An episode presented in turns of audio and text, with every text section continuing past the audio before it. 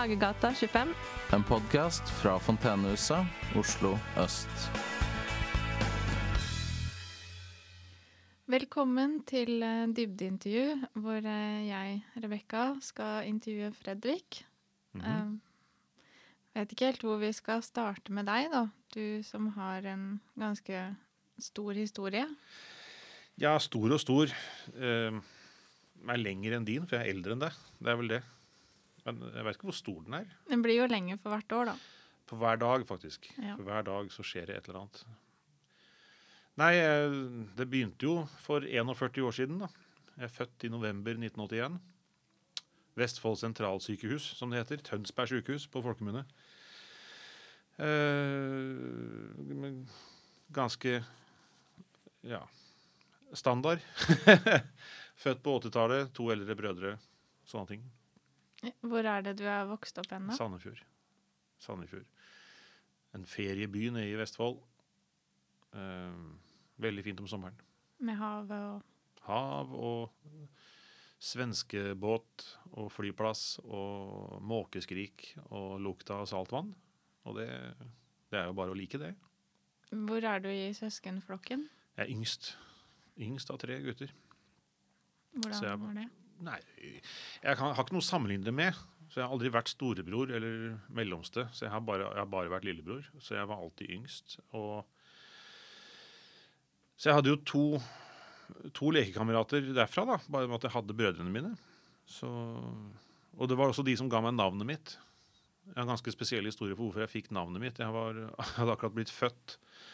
Fattern henta brødrene mine, som var hos bestemor og bestefar, og så sa de at nå skal vi, nå skal vi kjøre og se den nye babyen. Ja, Fredrik, sa de. Her er broren deres. Ja, her er Fredrik. Å ja. Nå skal babyen sove. Ja, nå skal Fredrik sove. De hadde bare bestemt seg og begynte å omtale meg som Fredrik. Og da blei det sånn. Og foreldrene dine var enige? De syntes det var greit, ja. Ja. Heldigvis. Heldigvis så var det et ålreit navn, da. Et helt greit navn. Ja. Det kunne jo vært eh, hva som helst da, når det kommer fra barn. Når det kommer fra så små barn, ja. Eh, Eldstebror er bare fem år eldre enn meg, Mm. så vi er tre gutter på ganske kort tid, da. Men ja, Fredrik var et helt greit navn. Og det, jeg er jo vant til det. Kunne hende at du hadde blitt oppkalt etter noen sånn actionfigur. ja. noe sånn. Jeg tror nok ikke foreldrene mine hadde tillatt det, da. Men, eh, men ja, det er, det er sånn navnet mitt ble til. Så du fikk da brødrene dine. Rett og slett. Det er jo litt uh, koselig, det, da. Ja, det er en jeg syns det er en litt spesiell historie. Mm. Jeg har ikke hørt om andre eh, søskenflokker hvor de har skjedd, men det kan jo godt hende. Det er jo Ja, jeg syns den var litt spesiell. Ja, det er noe mer enn bare et navn, i hvert fall. Ja, det er det. Det er en historie med, og eh, Navn, Noen er jo veldig kresne på navn. Noen bruker jo veldig lang tid på å finne ut hva ungen skal hete. da. Mm. Det kan være et slit for mange. Noen har kanskje bestemt seg før de unnfanger at de vil at ungen skal hete sånn og sånn, men eh, jeg veit i hvert fall at i vår familie så blei de veldig framdiskutert, da. Ja, det hørtes litt impulsivt ut, det med deg. Men Ja. har du et godt forhold til eh, familien? Mm. Ja, det var en ganske normal oppvekst, det. Med i, i Altså, det, som sagt, det var 80-tallet. Det var lite TV. Det var eh, Det var eh, tegnefilmer sjeldent. Det var musikk på kassett. Og det var eh, ja, det jeg husker, så er jo det. Det er jo ikke alt man husker. Altså fra 81 Jeg jo, husker jo ikke alt fra 80-tallet, men det var jo en ganske bra oppvekst. Jeg vil jo si det. Hva gjorde dere Hva brukte dere fritiden på? Mye fotball. Mye, uh, mye fotball og slåball og sykling uh, sommerhalvåret. Litt skateboard til tider, men det var en sånn kort fase. Jeg hadde ikke noe greie på det, og jeg ble aldri noe særlig flink til det heller. Så det er liksom noe jeg gjorde en sommer eller noe. Og ja, ellers sykling, klatre i trær. Helt, helt sånne klassiske ting. Helt sånne klassiske ting. Så, eh, badeturer om sommeren. Sandefjord har jo veldig veldig mange badeplasser og strender. Det er jo et sted folk kommer på ferie til. Så Det gikk ikke opp for meg før mange år etterpå at å ja, det er faktisk en ferieby, dette her. Det at det er så mange flotte plasser om sommeren fulle av campingvogner og folk fra, fra hvor som helst fra, det er liksom, det er ikke normalt. Det er ikke alle som har det sånn. Det er her nede i Vestfold-traktene, da. Sandefjord, eh, Larvik og Stavern, Tønsberg. Det er mye folk der om sommeren, og det er jo veldig, veldig fint, da. Det er veldig sommeridyll, da. Men det må Veldig. være litt eh, Å vokse opp i det, så vet du jo ikke om noe annet. Jeg hadde jo ikke noe å sammenligne det med. Nei. Og det er jo som, som alt annet Jeg har jo ikke noe annet å sammenligne med heller det å være yngst. Hvor drar du på ferie da? Sandefjord. Som alle andre? Ja, jeg har fått litt øya opp for det nå i godt voksen alder. Eh, og da jeg flytta fra Oslo, så slo det meg liksom at ja, ja, OK. Det er faktisk Ja. Det er veldig flott om sommeren. Det er liksom noe man kan savne litt. da. Men sandefjordinger drar jo på ferie, de òg. Til Sandefjord, eller? Nei, de drar til Larvik. Nei, de gjør ikke det. De, de, de drar jo på ferie som alle andre, men eh, det er, det er Man setter kanskje pris på ting man hadde når man er blir litt sånn Når du har vokst opp med noe, så er du borte fra det en stund, så setter du pris på det.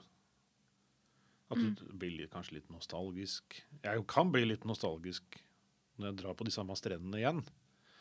Og de samme badeplassene. Ikke nostalgisk egentlig, men fordi jeg liker fortsatt å være der. Det er ikke noe, bare noe fra gamle dager, men det er jo en del av hele oppveksten min og en del av hele min historie er jo å dra på disse plassene. Så når jeg ser en strand som nå har blitt brukt til å filme 'Mesternes mester', så er det litt en sånn følelse av nesten sånn rar stolthet. At å, her er jo min barndoms paradis. Ja, det må være mange minner. Og oh, ja. Det er det. Mange sommerminner, mange mange gode dager. Og man husker ikke hver eneste brannmanet, eller hver eneste gang det var litt for kaldt i vannet, eller eh, vi var utsolgt for din is i kiosken. Men du husker liksom bare at det er et bra sted å være. Og det, det er det fortsatt. Eh, fortsatt en flott, flotte strender å dra på. hvorfor flytta du derfra da? Hvis det er så idyllisk og flott. Eh, Det var flere grunner. Jeg hadde sånn, et sånn ønske om å se noe annet, tror jeg. Eh, Rett og slett en sånn, sånn trang til å komme, komme litt bort. Komme litt vekk fra det du har vokst opp med. Bodde jo i Sandefjord de første 25 åra av livet, da. Så jeg var jo Det er ikke bare et sted jeg var født og var guttunge. Jeg var jo der lenge. Så Brødrene mine hadde dratt til Oslo. Jeg hadde litt lyst til det, jeg òg. Jeg hadde mulighet, jeg hadde mulighet til å flytte dit. I og med at jeg fikk muligheten til å bo i den leiligheten jeg bor i nå. Jeg bor fortsatt på samme sted. Og jeg har flytta veldig lite i livet mitt. Da. Jeg har bare flytta to ganger. Jeg. Er på min tredje adresse. I en alder av 41. Ja. Så jeg har jo eh, Jeg er ikke sånn veldig omflakkende sånn sett. Men eh, jeg hadde kanskje trodd at jeg skulle være mer omflakkende. At jeg skulle prøve å bo flere steder. For jeg er ikke så veldig besluttsom av meg. Så jeg veit ennå ikke helt hva jeg ønsker med spesifikke ting.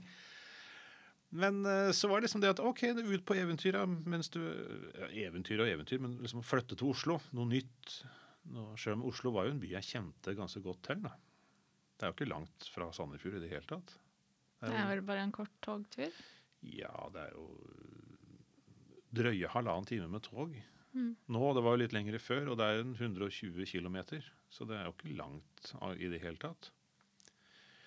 Og jeg har jo slekt innafra her, eller denne sida av Østlandet, da, så det var jo ikke noe nytt for meg å komme til Oslo. Men det var det å komme til en ny by og se noe annet. Jeg har jo fortsatt veldig mye kontakt med vennene mine i Sandefjord, og det er veldig viktig for meg. Og jeg har flere ganger tenkt at kanskje det er på tide å flytte hjem igjen. Mm. For jeg anser fortsatt Sandefjord som hjembyen min. Men jeg ser også Oslo som hjembyen min.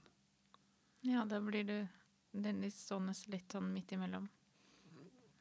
Ja, ikke, om ikke midt imellom. Jeg står litt um, jeg, Ikke akkurat midt imellom. Jeg er ikke i Drammen. Det er jeg ikke. Jeg, det, det blir ikke noe kompromiss å liksom flytte til Drammen. Men jeg Nei, altså Jeg føler at når jeg lander på Gardermoen, så tenker jeg at å ja, nå er jeg hjemme. Men hvis jeg lander på Torp, så er jeg også hjemme. Så du har to hjem, da. Jeg har i grunnen to hjem Jeg har to byer jeg kaller hjem. Jeg har jo et hjem, da. Jeg har jo et sted jeg bor, men jeg har jo Altså, Barndomshjemmet mitt står jo der fortsatt. Foreldrene mine bor fortsatt i barndomshjemmet. Så hvis jeg besøker Sandefjord, så besøker jeg jo det samme huset jeg vokste opp i. Mm. Og det, det er noe i det òg, at det har jo nå vært der hele tida. Og Sandefjord Det er jo forandringer i Sandefjord òg, men uh, i det store og det hele er jo den samme byen jeg forlot. Og en by jeg er eh, glad i. Hva var det du gjorde når du kom til Oslo da? Jeg begynte å jobbe i Gallup Ja. som telefonintervjuer. Gjorde markedsundersøkelser. Og så eh, Så det var ikke jobben som tok deg til Oslo, det var at du flytta, og så fikk du jobb? Ja, jeg hadde vel begynt å se etter jobber, da. Men, for noe måtte jeg gjøre. Men eh, det var liksom det at nå er tida inne, nå kan du gjøre det. Nå, hvorfor ikke? Gønne på. Og så hadde jeg lyst til å liksom spille i band, som jeg jo gjør. Ok, hvorfor ikke gjøre det i Oslo? Um, Når begynte du med musikk?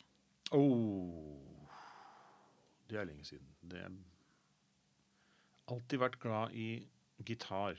Helt siden jeg var liten, så husker jeg at liksom å se noen med elgitar på scenen, det var liksom det kuleste som fantes. Hvem var den kuleste gitaristen? Da jeg var liten, så var det Bruce Kulick som da spilte i Kiss. Og den delen av Kiss som Altså det, i de åra hvor det ikke var sminke. Mm. Det var 80-talls-Kiss, for det, det var det som var da jeg var liten. Så Bruce Kulick var den jeg liksom så veldig opp til da. For han hadde elgitar og spilte soloer i favorittbandet mitt, så det var liksom det kuleste av alt. Jeg f møtte endelig Bruce Kulick i 2017, og det, det var merkelig spennende å endelig få fistbumpe en sånn barndomshelt og få autografen hans. Det var veldig gøy. Men da jeg begynte å Så han, han kan si er den første gitarhelten jeg hadde. Kanskje ikke den viktigste jeg hadde, men jeg fikk lyst til å spille gitar mye pga. Kiss og Bruce Kulick. Men da jeg begynte å liksom Jeg var vel en sånn ni eller sånt, ni eller ti år og virkelig ville spille gitar. Og begynte å lære meg å spille gitar, ikke bare syns at det var kult. Så var det jo Slash, da. For Guns N' Roses var jo enormt store helt på begynnelsen av 90-tallet. Og jeg var jo så stor fan at Altså, jeg er fortsatt stor fan. Jeg har ikke hatt faser med Guns N' Roses. Jeg er fortsatt der. Eh, nå 30 år, og mer enn 30 år etterpå. Så det å spille gitar på ordentlig, det var en, av veldig stor innflytelse fra, fra Guns N' Roses. Og, og, og etter det så ble det jo Jimmy Henriks, da. Som også tok en sånn høy plass oppe i folk jeg liksom ser opp til når det gjelder gitarspill. Men det er, det er selvfølgelig mange det er veldig mange jeg har hørt spille fantastisk flott gitar, som har inspirert meg til å gjøre noe annet. da, Gjøre noe annet enn det jeg gjorde forrige gang. Spill noe annet enn det du gjorde forrige gang. Så det er ikke sånn at det er kun de tre jeg har hørt på. Det er det ikke. Men uh, hvis jeg skal sette noen opp som veldig viktige Jeg vil si at Neil Young har vært viktig for meg på gitar. Uh, Pete Townsend har vært viktig for meg på gitar. Uh, ja, Angus Young, Jimmy Page, Eric Clapton selvfølgelig. Altså mange av de klassiske, typiske navna som, som alle gitarister vil kjenne til å ta fram. da. Dem er det flere av. Hva er det musikk du egentlig alltid ville drive med? Nei, det er det jeg alltid har drevet med. Altså Siden jeg plukka opp en gitar første gangen, så har jeg sett på meg sjøl som musiker. For at det har vært Det er for meg mer en tilstand, altså. Det er nesten, som, det er nesten en sinnsstemning å, å ville spille musikk og ville få musikk til å komme ut av meg. Hvordan føles det? Det føles riktig. Mm. Det er det, eh, en ting jeg kan si. Det føles aldri feil å synge eller spille gitar. Er du veldig til stede når du gjør det, sånn at du ikke Ja. tenker på hva du gjorde i går, og hva du skal i morgen? Og... Det er en bra måte å koble av på. Det, det. det kan være veldig terapeutisk sånn sett. At man kan rett og slett sitte og spille, glemme tida litt. Og det å, og det å ville uttrykke seg, ville Enten det er verbalt eller ikke Du kan jo få Hvis du spiller noe Hvis du er god nok, så kan du fortelle en historie uten å si noe som helst. Altså. Du kan gjøre det på hvert, hvilket som helst instrument. Og du kan hvis du, har en, hvis du setter veldig pris på musikk, så vil du sette pris på musikk uansett hvor og når eller hvem det kommer fra. Spesielt hvis noen er veldig, veldig flinke til det de gjør. Eh, Det, det gjelder ikke bare musikk. Det er gøy å se og oppleve og bevitne folk som er veldig flinke til noe. Å se noen lage en flott kake, for eksempel, kan være fascinerende i seg sjøl. Eller se noen som er flinke i turn, eller Ja, du snakker jo om lidenskap, da. Mm. Det er jo ikke alle som finner den, men jeg tror det er jo Ja. veldig verdifullt å kunne ha en lidenskap. Jeg tror mange av de som ikke har det, er i hvert fall veldig på utkikk etter det, tror jeg. Det virker sånn. Og, så musikk er en sånn følgesvenn som har vært der for meg hele tida. Og uh, gitaren har vært en sånn venn. Alltid. Uansett hvor jeg bor, og det har bodd bare tre steder, som sagt, men altså, det er alltid en gitar i nærheten. Da. Tror du at eh, den kan ha hjelpa deg med å f.eks. føle deg mindre ensom? Å Mm. Å ja. Absolutt. Det å kunne plukke opp en gitar og mm, spille istedenfor å prøve å sette ord på ting, det er til hjelp. Hvis ting er kjipt. ja, jeg tror ofte man tenker at eh, det å snakke og sånn at man skal snakke seg gjennom ting, og man skal snakke om ting, men det er jo ganske mye med oss mennesker da, som ikke har ord. Alle følelsene og mye av det vi opplever, det er ikke alltid man kan bruke ord for å beskrive alt. Så det å finne Ja. andre måter å uttrykke ting på, det tror jeg er veldig verdifullt, da. Det tror jeg òg. Jeg tror også at øh, fysiske gjøremål Mm. kan hjelpe oss gjennom ting, istedenfor å sitte og sture. Altså, Mm. Bare gjør noe. Enten det er å ta oppvaska eller gå seg en tur, eller ja, for mitt vedkommende da, veldig ofte plukke opp en gitar. Og spille noe. Kanskje ikke, bare, kanskje ikke tenke så mye på hva du spiller heller, bare lytte. Mm. Bare være, da. Ja. Bare Men hadde du mye Hva slags forventninger hadde du når du kom til Oslo? Fra, du kommer fra sommeridyll og ja, fin oppvekst i Sandefjord, og så kommer du hit, da. Til, til eh, Høst-Oslo? Nei Jeg er ikke helt sikker, men jeg visste jo at det var flere steder å gå ut, og flere steder å møte folk, flere steder å høre musikk. Flere, altså det var mer av alt, da. mm, Og um, en så stor by med flere hundre tusen mennesker er liksom til tider litt sånn litt stort og overveldende. Og det er jo ikke Oslo verdens største by heller, da. Det fins jo Det fins jo langt større byer enn dette her. Så det, men for meg så var det stort, og for meg så så blei det hva skal jeg si, litt stort, litt grått, litt brutalt på sin måte litt sånn eh, Det er ikke så mye småbyidyll i Oslo, men du finner ut at det fins små lommer av det. Sånn som Kampen. Å, gå gjennom Kampen er litt som å gå i en liten Men Eller en fin park. ikke sant? Det fins jo veldig mange flotte plasser i Oslo. Det gjør det jo, som man oppdager etter hvert. Det tar bare litt lengre tid. Og det, det krever innsats på en litt annen måte. For det er ikke veldig vanskelig å finne de småbyidyllen i byer som er små. Fordi det er så oversiktlig. Det er liksom en flyplass. Små flyplasser er oversiktlige, og store flyplasser er mindre oversiktlige. Så det, det, blir, det, blir, akkurat på samme måten. mm. Men uh, hva, hva tenkte du at uh, du skulle gjøre med musikk og uh, jeg har jo spilt i band lenge, skrevet låter, spilt inn låter, gitt ut låter, spilt konserter. Gjorde du det etter du kom hit? Før og etter. Ja, så du Det var allerede etablert, da. Ja, det var etablert på den måten at det er det jeg elsker å gjøre. Og jeg elsker å plukke opp gitaren, liker å være kreativ med det. Eh, kreativ i samarbeid med andre.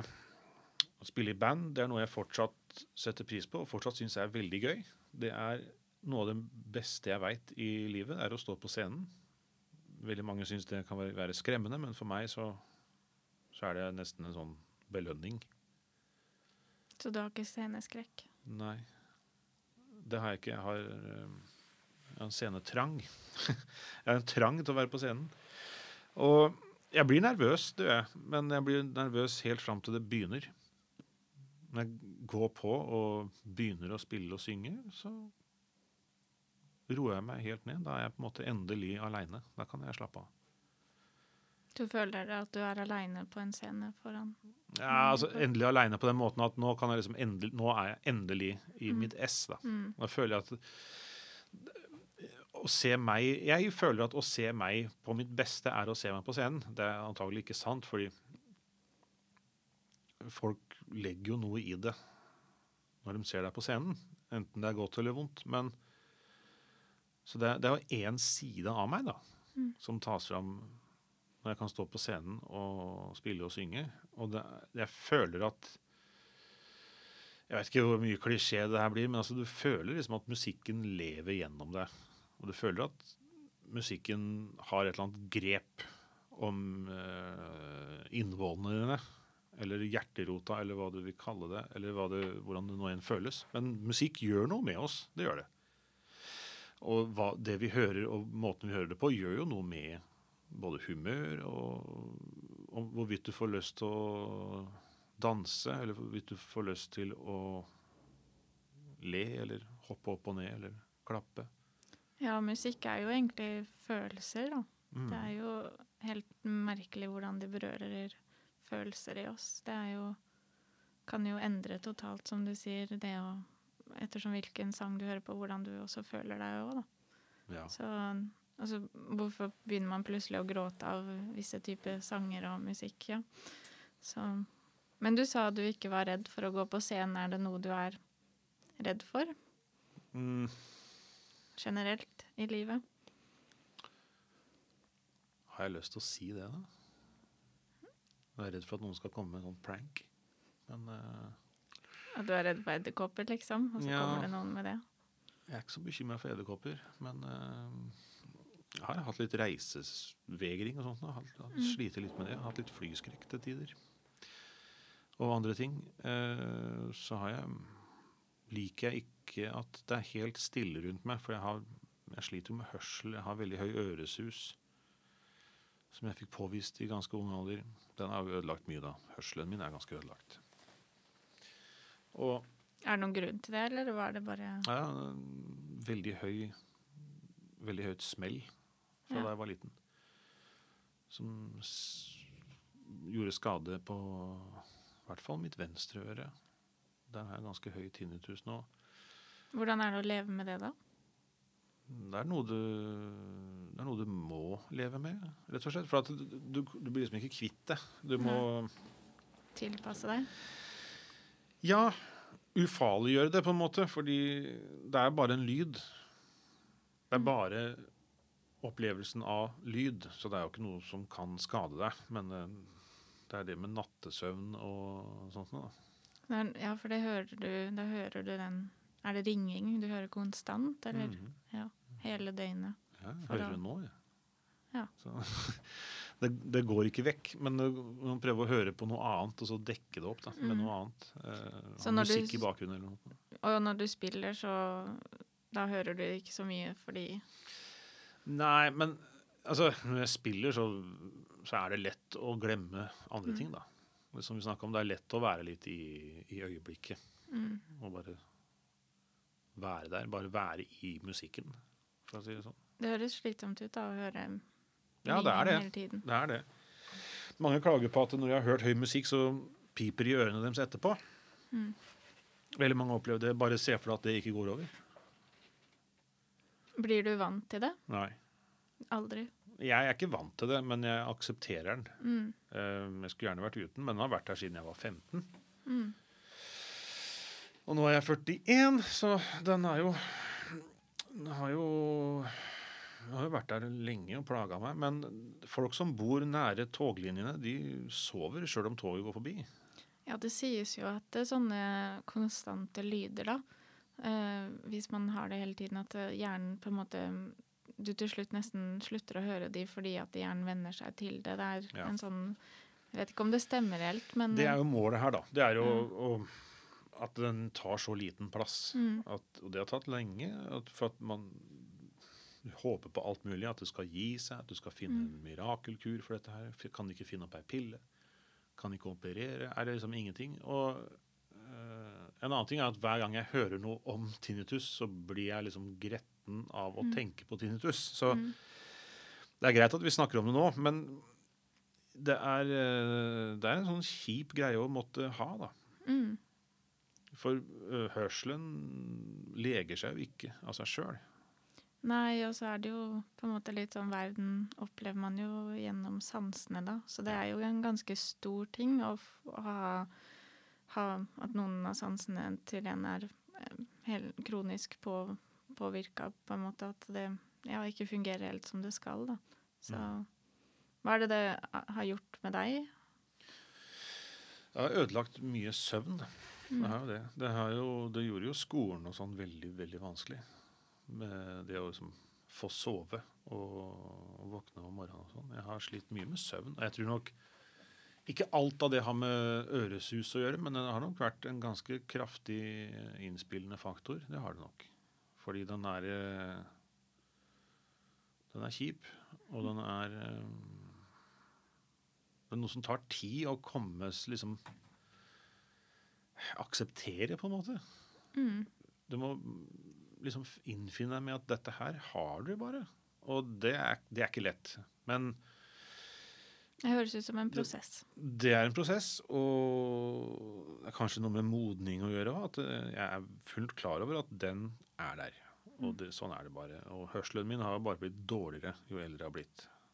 Før så kunne jeg skille ut noens stemme hvis folk snakka i munnen på hverandre, men det går jo ikke lenger. I det hele tatt. Så jeg merker jo sjøl at flere og flere mennesker rundt meg mumler. Og det er ikke sikkert det er de som mumler. Kan hende at noe av det der er meg. Så hvis jeg har så hvis jeg sliter med det nå, tenk deg hvor meg som da gammel mann kommer jo ikke til å høre en puck. Så Forhåpentligvis har de kanskje kommet kanskje videre i noe teknologi eller behandling. Kanskje det. Men det vet man jo ikke før man får vente og se, da. Ja, ja, det er sant? jo en litt sånn Legger jo kanskje en litt sånn demper, da. Jeg gjør det det på sånn framtid, eller tenker du ikke mye på det? Nei, jeg ser ikke for meg en framtid som døv. Det gjør jeg ikke. Nei. Kanskje ikke så ekstremt, men Men uh, som uh, mer og mer tunghørt, ja. mm. Det er jeg nok. Men du sa du sov dårlig og sånn av det. Har det hatt eh, Har det jo vært vanskelig å ha i livet, eller har det, Ja. har det påvirka psyken noe, eller? Det har det jo. Fordi er du søvnfrarøva, for å si det sånn, så går det utover psyken. For at du er jo ikke helt deg sjøl. Du, du får jo Det går utover nervene, det går utover konsentrasjonsevnen, det går utover energien du har. Hvis du har hatt en våkenatt, så fyrer jo ikke på alle sylindere, og du orker jo ikke å gjøre alt det du burde gjøre. Og det, det ødelegger liksom døgnrytme og det å holde seg i gang. Og så fins det jo ting man kan ta for å sove, men jeg, har, liker ikke å måtte ta noe sånt. Og det er veldig lenge siden jeg har gjort. I hele 2022 så tok jeg ingenting for å hjelpe meg med å sove. Og det er jo uvanlig, for jeg har jo til tider hatt sånn Imovane, eller jeg har fått uh, noe melatonin, sånne ting. Forskjellige ting man kan ta for å sove. Men etter at jeg begynte på Fontenehuset, faktisk, så har jeg ikke hatt sånne søvnløse netter. I hele 2022 hadde jeg ikke én søvnløs natt. Hva tror du det kommer av? Jeg tror det er flere ting. Jeg har tatt veldig grep med helsa da, de siste par åra. Det påvirker jo også søvn, da. Ja. Jeg, jo, jeg var jo veldig svær og tjukk. Veldig overvektig. Og sleit med søvn. Sleit med søvnapnesymptomer. Sleit med Vondt i ryggen, puls, sånne ting. Og mye magesmerter. Og klaga selvfølgelig til legen på dette her, og han sa gå ned i vekt. Da hadde jo pandemien begynt å dukke opp, da. Men, eh, og det er en annen ting også. Altså, jo bedre grunnhelse du har, jo bedre er du rusta for å få en sånn sykdom. Som jeg da, bank i bordet, ennå ikke har hatt. Men eh, Hvor lenge var du veldig overvektig? fra mm, barneskolen, ungdomsskolen og fram til nå. Mm. Og eh, ja, til tider Jeg blei jo større og større nå i de siste åra, da. Men jeg hadde jo klart å slutte å røyke. Jeg gikk litt opp i vekt etter det. Og det kom til et punkt hvor jeg liksom innså at ok, nå må du ta noen helsemessige grep. da, Du har helseplager. ikke sant? Jeg har ikke lyst til å bli diabetiker. Det er jo en, en sånn faresoneting. Så det å kunne ta noen grep og liksom ta tak i helsa si, det var jo også en sånn del av det psykiske, på en måte. For at hvis du har hatt det veldig kjipt psykisk, da, så går det på en måte i en slags tåke hvor du ikke legger merke til ting som er gærent. Du legger ikke merke til at du kanskje har rotete, eller at du eller at maten du spiser, ikke er bra for deg. og sånn. Det, er det å våkne ut av det. Og fikk meg til å gå ned veldig mye vekt, nesten 50 kilo. Og bli veldig avhengig av trening. Eh, veldig glad i trening og sunn mat. Og oppdaga yoga etter hvert. Oppdaga meditasjon, som har gjort meg bedre. Hjelpa meg veldig med søvn. Hjelpa meg veldig til å ha mer struktur, da. Mm. Og det å kunne ha en god døgnrytme hele uka Jeg drikker ikke lenger heller. Jeg har ikke drikket alkohol på 18 måneder. Dette med kropp og sinn, da, det har jo vært eh, veldig atskilt. Og så du sa at um, ja, det hadde mye med psyken å gjøre. Og så, siden du sa du var overvektig fra du var liten, hva tror du kan ha kommet på en måte først for deg? Slet du psykisk før du ble overvektig, eller Eh. har du, var det motsatt at det kanskje kom først? Da jeg var liten, så merka jeg det ikke. Det er det som er så rart. I oppvekst og sånt, så er jeg ikke så bevisst dette her. Så er man bare bevisst på det sånn innimellom. Jeg var bare bevisst på det. Jeg gikk ikke rundt og liksom tenkte på det annet enn i veldig spesifikke situasjoner. At det var noe jeg ikke, ikke fikk til, eller noe som ikke passa meg. Av klær og sånn. Eh, Eller hvis noe var fysisk vanskelig å gjøre. Fordi jeg, kunne, jeg var også veldig aktiv. Jeg kunne spille fotball, jeg kunne sykle fort, jeg kunne svømme fort, og jeg kunne Ja, var i gang. Jeg drev med judo i tenåra og sånn. Og Men da var det noe psykisk da, eller var du det en måte happy child? Stort veldig happy barndom, Mm. det vil jeg si. Ganske happy der. Um, spesielt når man ser tilbake på det, så tenker man på å, så fint det var der og sånn. Men det var jo i tenåra at det, liksom det psykiske først dukka opp, da. Det var det jo. Hvor jeg begynte å oppleve altså altså sånn tenåringsangst som veldig mange har, da, med noen veldig kraftige nedturer. Sånne paniske episoder. Veldig panikk. Som skremte meg veldig òg, at det går an å føle det sånn. Og det sendte meg inn i noen depresjoner. Det gjorde det. Som var ganske heavy, og som gjorde meg veldig sånn fanivoldsk, rett og slett. Hvor jeg slutta å bry meg om ting, da. Det er skummelt. Ja, så jeg slutta å bry meg om skole. Begynte bare å hate det. Jeg kunne ikke fordra å være på skolen. Jeg, eh, jeg hata ungdomsskolen, og jeg hata videregående. Det er hat er et veldig sterkt ord, men jeg kunne ikke fordra å, være der. Jeg syns mye av det var bare tull. Men du følte aldri sånn overfor musikk? Nei, musikk var alltid den store redninga. Ja. Musikk var alltid den store redninga. Eh, veldig ofte den ene tingen jeg hadde liksom å henge ting på. Det var at ja, ja, men spill gitar, da. Liksom, glem alt det der andre, men spill gitar. Prøv å lage en sang. Prøv å samle et band. Um, du må på skolen. Ja, men jeg vil ikke. jeg er her nå, men jeg bryr meg ikke. Uh, har, hvorfor skal jeg lære det der? Jeg har ikke lyst. Jeg så ikke nytta i det. Og det er en sånn, antagelig en sånn umoden, barnslig greie. Men som 14-15-åring så så ikke jeg nytteverdien i noe jeg lærte på skolen. I det hele tatt. Og det er en rar ting å se tilbake og si. Men eh, jeg kunne ikke fordra det. Hvor lenge var det sånn, da? Som du begynte å ha det i tenårene? det Fulgte det deg når du mm, Flytta. følte meg lenge. Det følte meg eh, Følte meg veldig lenge. Jeg har egentlig en følelse av at i 2021 så blei jeg voksen. På en måte. Ja, det vet jeg du har nevnt før. det, det, det skjedde Det har skjedd en forandring nå i det siste Og det jo det året jeg fylte 40. Jeg veit ikke om det har med modning å gjøre, eller om det har en slags Noen har jo midtlivskriser. Jeg Jeg veit ikke, jeg. Hvis det var en midtlivskrise, det å ta tak i helsa og gå ned masse i vekt og, og bli liksom en, en sånn treningsfyr, så var i så fall det veldig sunt, da. Men eh, Var det noe spesifikt som gjorde at det var akkurat når du ble 40, eller tror du det var en sånn kombinasjon av ting? Jeg, jeg tror det var en kombinasjon av ting. Jeg tror det. Jeg tror bare tida var inne, og så var jeg klar for det psykisk. Og da hadde jeg bestemt meg, og da var jeg motivert. Og da kunne jeg gå ned i vekt. Og da var det veldig lettvint å gå ned i vekt. Hadde jeg visst det var så lett, så skulle jeg gjort det før. Men jeg skulle gjerne Jeg er ikke helt sikker på hva jeg burde ha gjort i de skoleåra. Fordi de skoleåra var så vanskelige.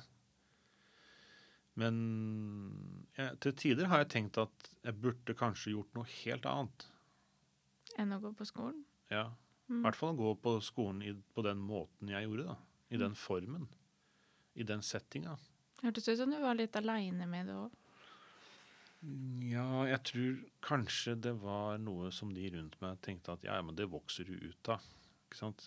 Du er bare tenåring. Du er bare fjortis. Du er 16 år. Du er 17 år. Mm. Snart er du voksen, ikke sant? Du vokser ut av det der. Men noen av de der problemstillingene der, de forsvant ikke. De bare, de bare lå der og forsterka seg. Jeg veit ikke hva du skulle gjort med 14 år gamle meg uten å ha meg i skolen. Det aner jeg ikke. Men samfunnet har jo heller ikke alltid vært sånn, da. Det er jo bare de siste generasjonene hvor det har vært forventa at du er i skolen når du er tenåring. Ofte så har du bare blitt sendt ut i en eller annen arbeidssituasjon. ikke sant? Mm, det er vel derfor man sier fortsatt, da henger det jo litt igjen det der at eh, når du er 15 år og konfirmant, da er du voksen. Og for meg så er det veldig rart, fordi det er jo ikke sånn det er i dag. Du er jo veldig, veldig langt unna å være voksen nå i dag, da, som 15-åring. Det er jo ikke noe jobb nesten man kan få. Men det var det jo før, da, Ja, som du sier. det var det. Og øh,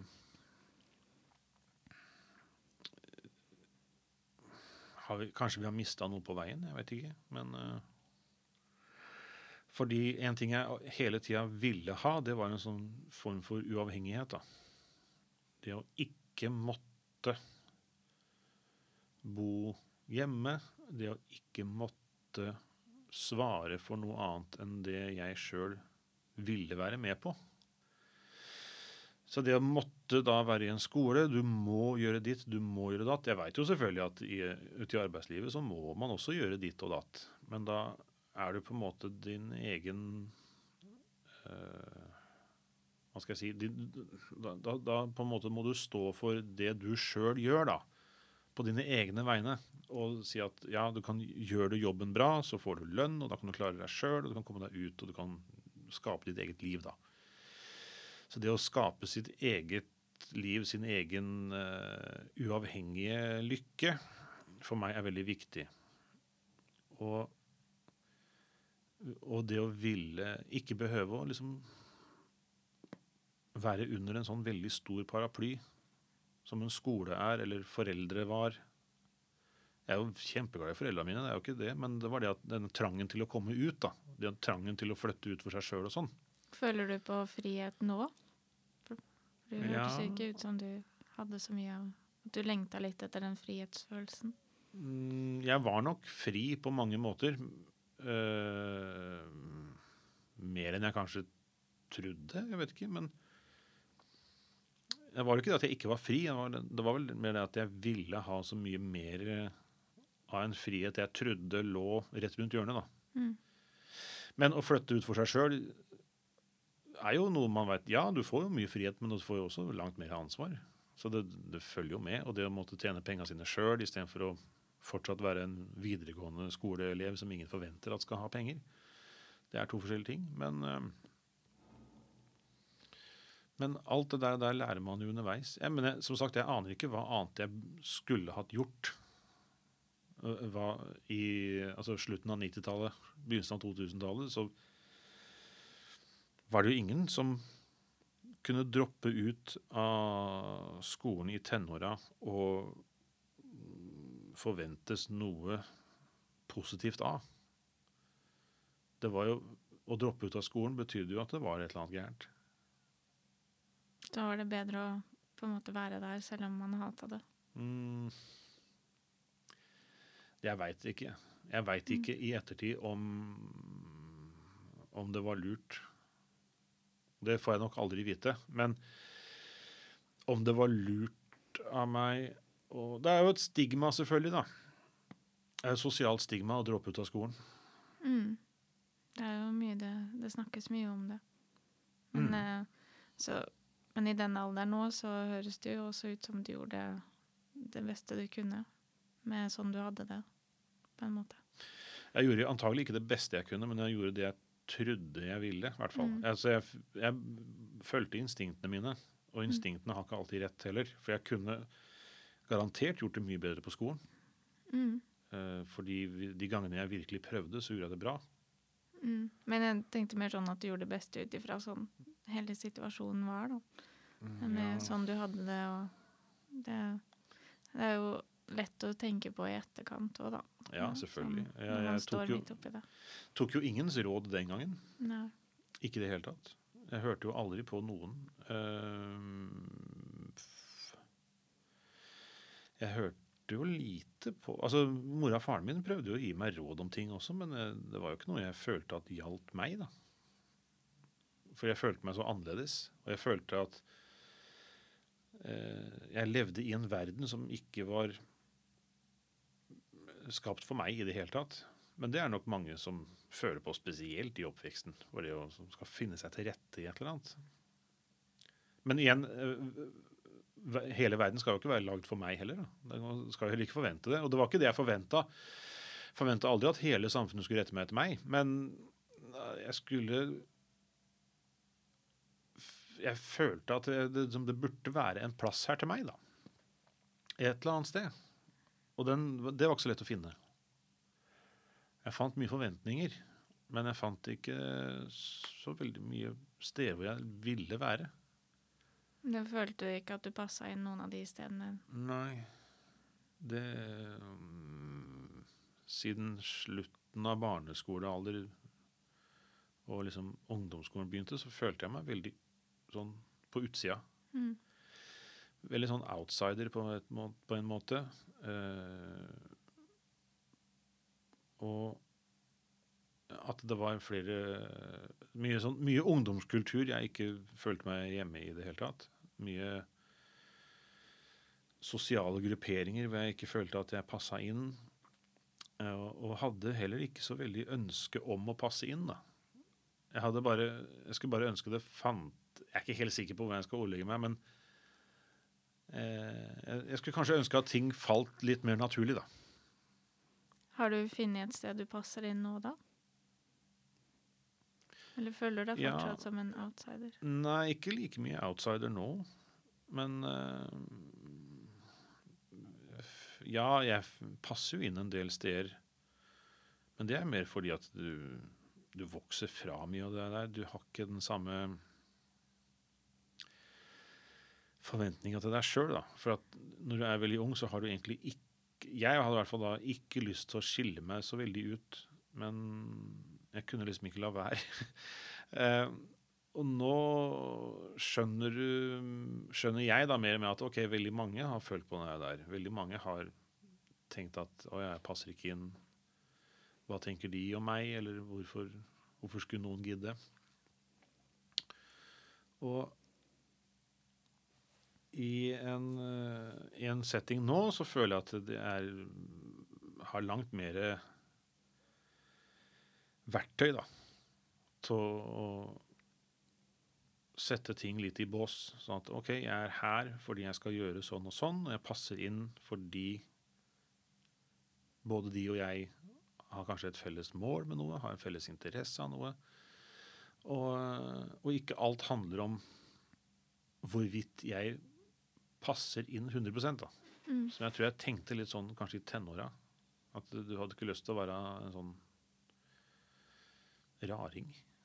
Nå, nå tror jeg ikke jeg er så rar, egentlig. Jeg kan hvis jeg vil. Ja. Men du sa et eller annet med pandemien i stad, at Mm. det var, det noe som Var det pandemien spesifikt, eller var det bare da det falt seg naturlig å bli voksen, da, som du sa? Eh, det, altså det må være det, Når jeg sier 'bli voksen', så tror jeg det er bare at jeg innså en del ting. da. Jeg innså det at OK, du må faktisk ta Du må ta tak i den helsa her. Fordi det er ditt eget ansvar. Det å være sunn.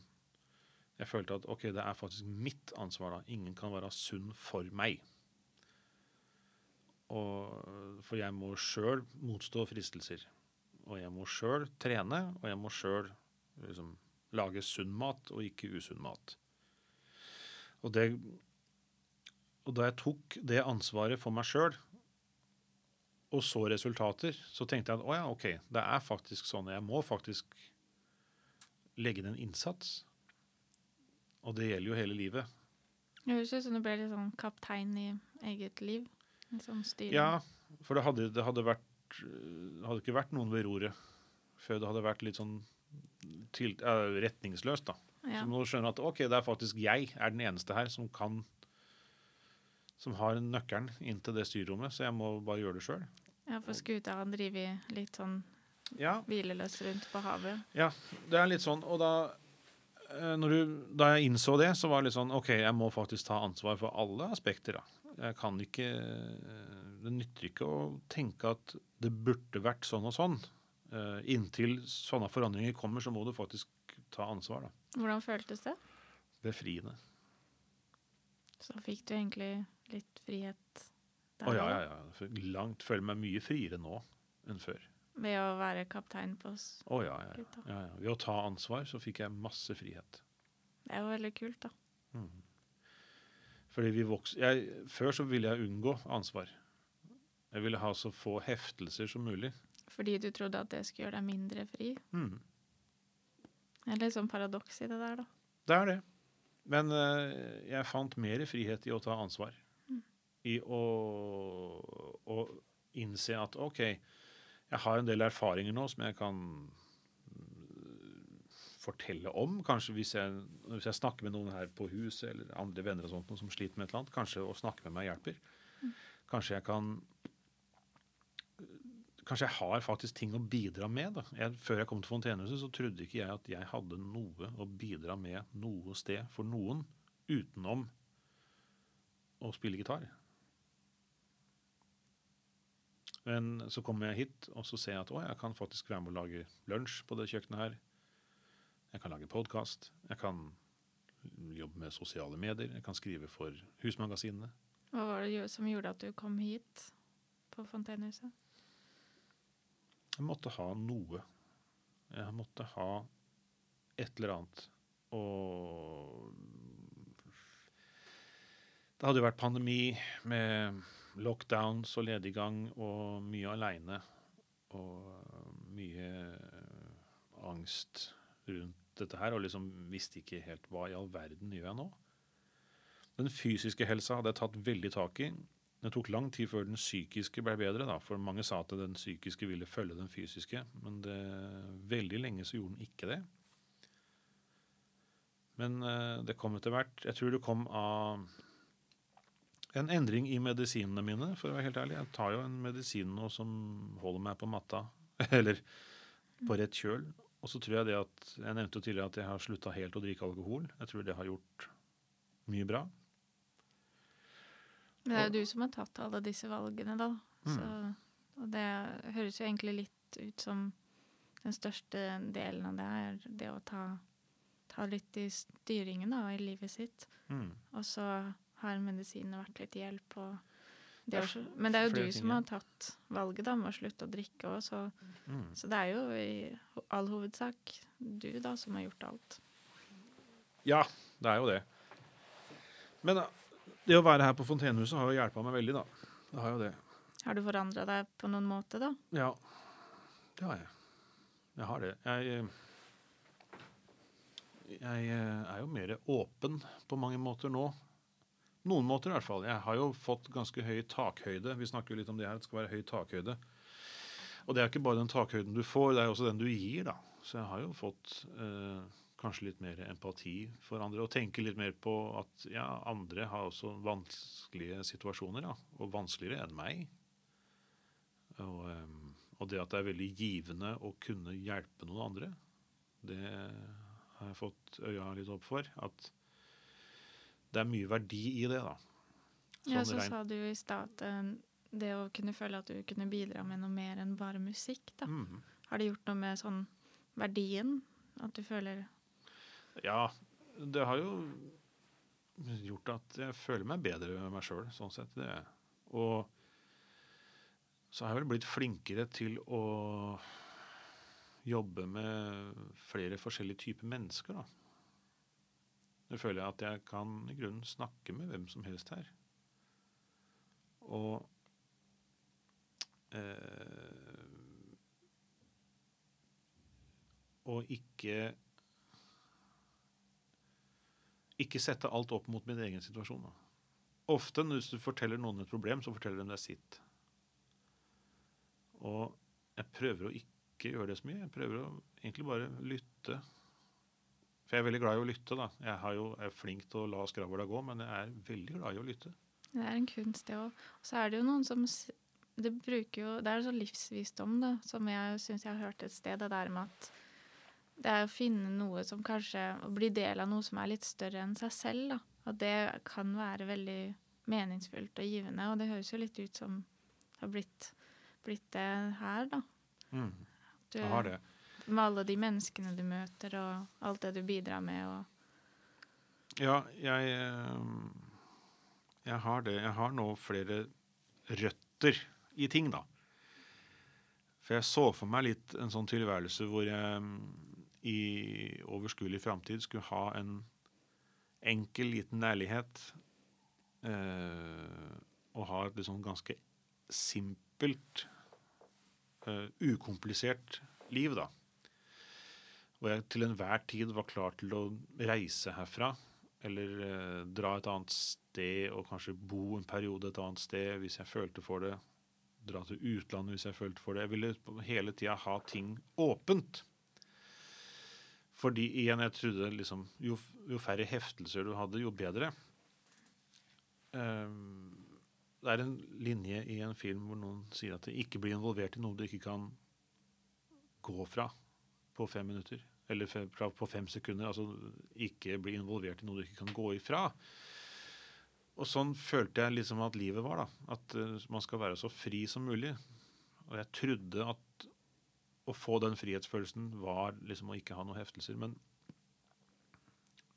det er en veldig frihetsfølelse i å vite at vi kan komme til et hus som dette her og finne en veldig hjelp i hverandre. da. Jeg tror jo det å ha liksom en trygg base på en måte gir den der tryggheten og friheten da, til å lettere dra ut og være nysgjerrig og utforske.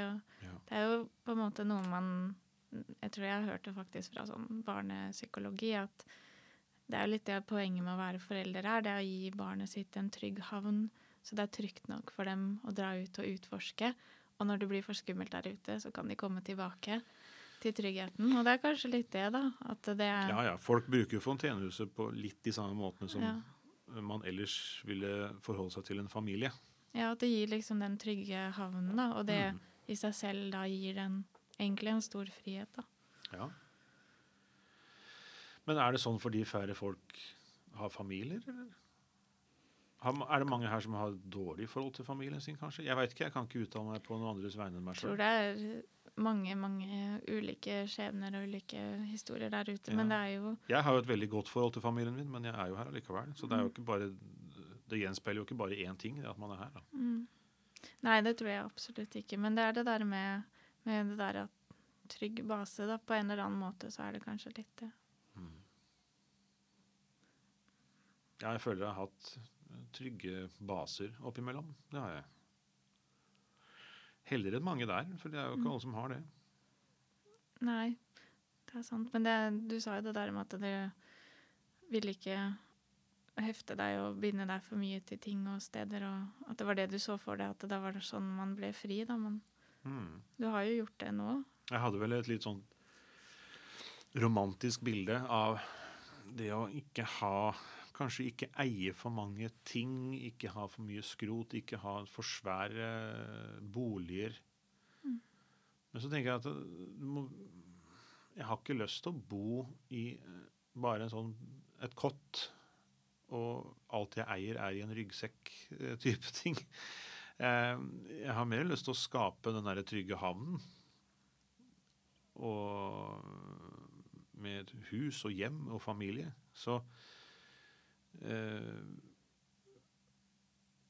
det, det er vel litt det å vokse fra det, da. Det er vel det å vokse inn i en sånn rolle, eller en, en forestilling om livet, da. Mm. At eh, ok, det er en grunn til at folk har gjort dette her i hundretusener av år. da. Starta familier. At, at vi har liksom gode hjem, gode, trygge hjem. Og, og at det er, eh, det er opp til meg, da, som en fri, uavhengig voksen mann, å ta det ansvaret. Så du har eh, de tankene om fremtiden, at det er litt planen videre? Prøve å Ja, i hvert fall, um, i hvert fall deler av, av det aspektet der. da. Å ha et, et, et, et hus, et hjem, en solid uh, base, rett og slett. Tror du fortsatt kan eh, dra mange steder og reise og gjøre det Ja, du vil da ja, ja. likevel? Selvfølgelig. Selvfølgelig. Tror du kommer til å alltid spille musikk? Ja. Jeg kan ikke se for meg at jeg skal legge fra meg gitaren i det hele tatt. Så den blir med hele veien? Den blir med hele veien, ja. Men det er plass til, det er plass til ei dame ved siden av. Jeg høres ut som sånn. det er plass til mange ting. Ja da, det er det. Eh, det er det. Men jeg tror altså det er, ikke, det er ikke noen grunn til å gi opp en sånn god hobby, en så god livsførst Det er jo omtrent en livsstil å ha, føler jeg, å ha musikk der. Å ha en gitar som når som helst kan ligge på fanget og synge. Ja, men det høres ut som fin historie og en fin framtid, og at musikken kan være med videre. Det er nok det. Tusen takk for uh, samtalen.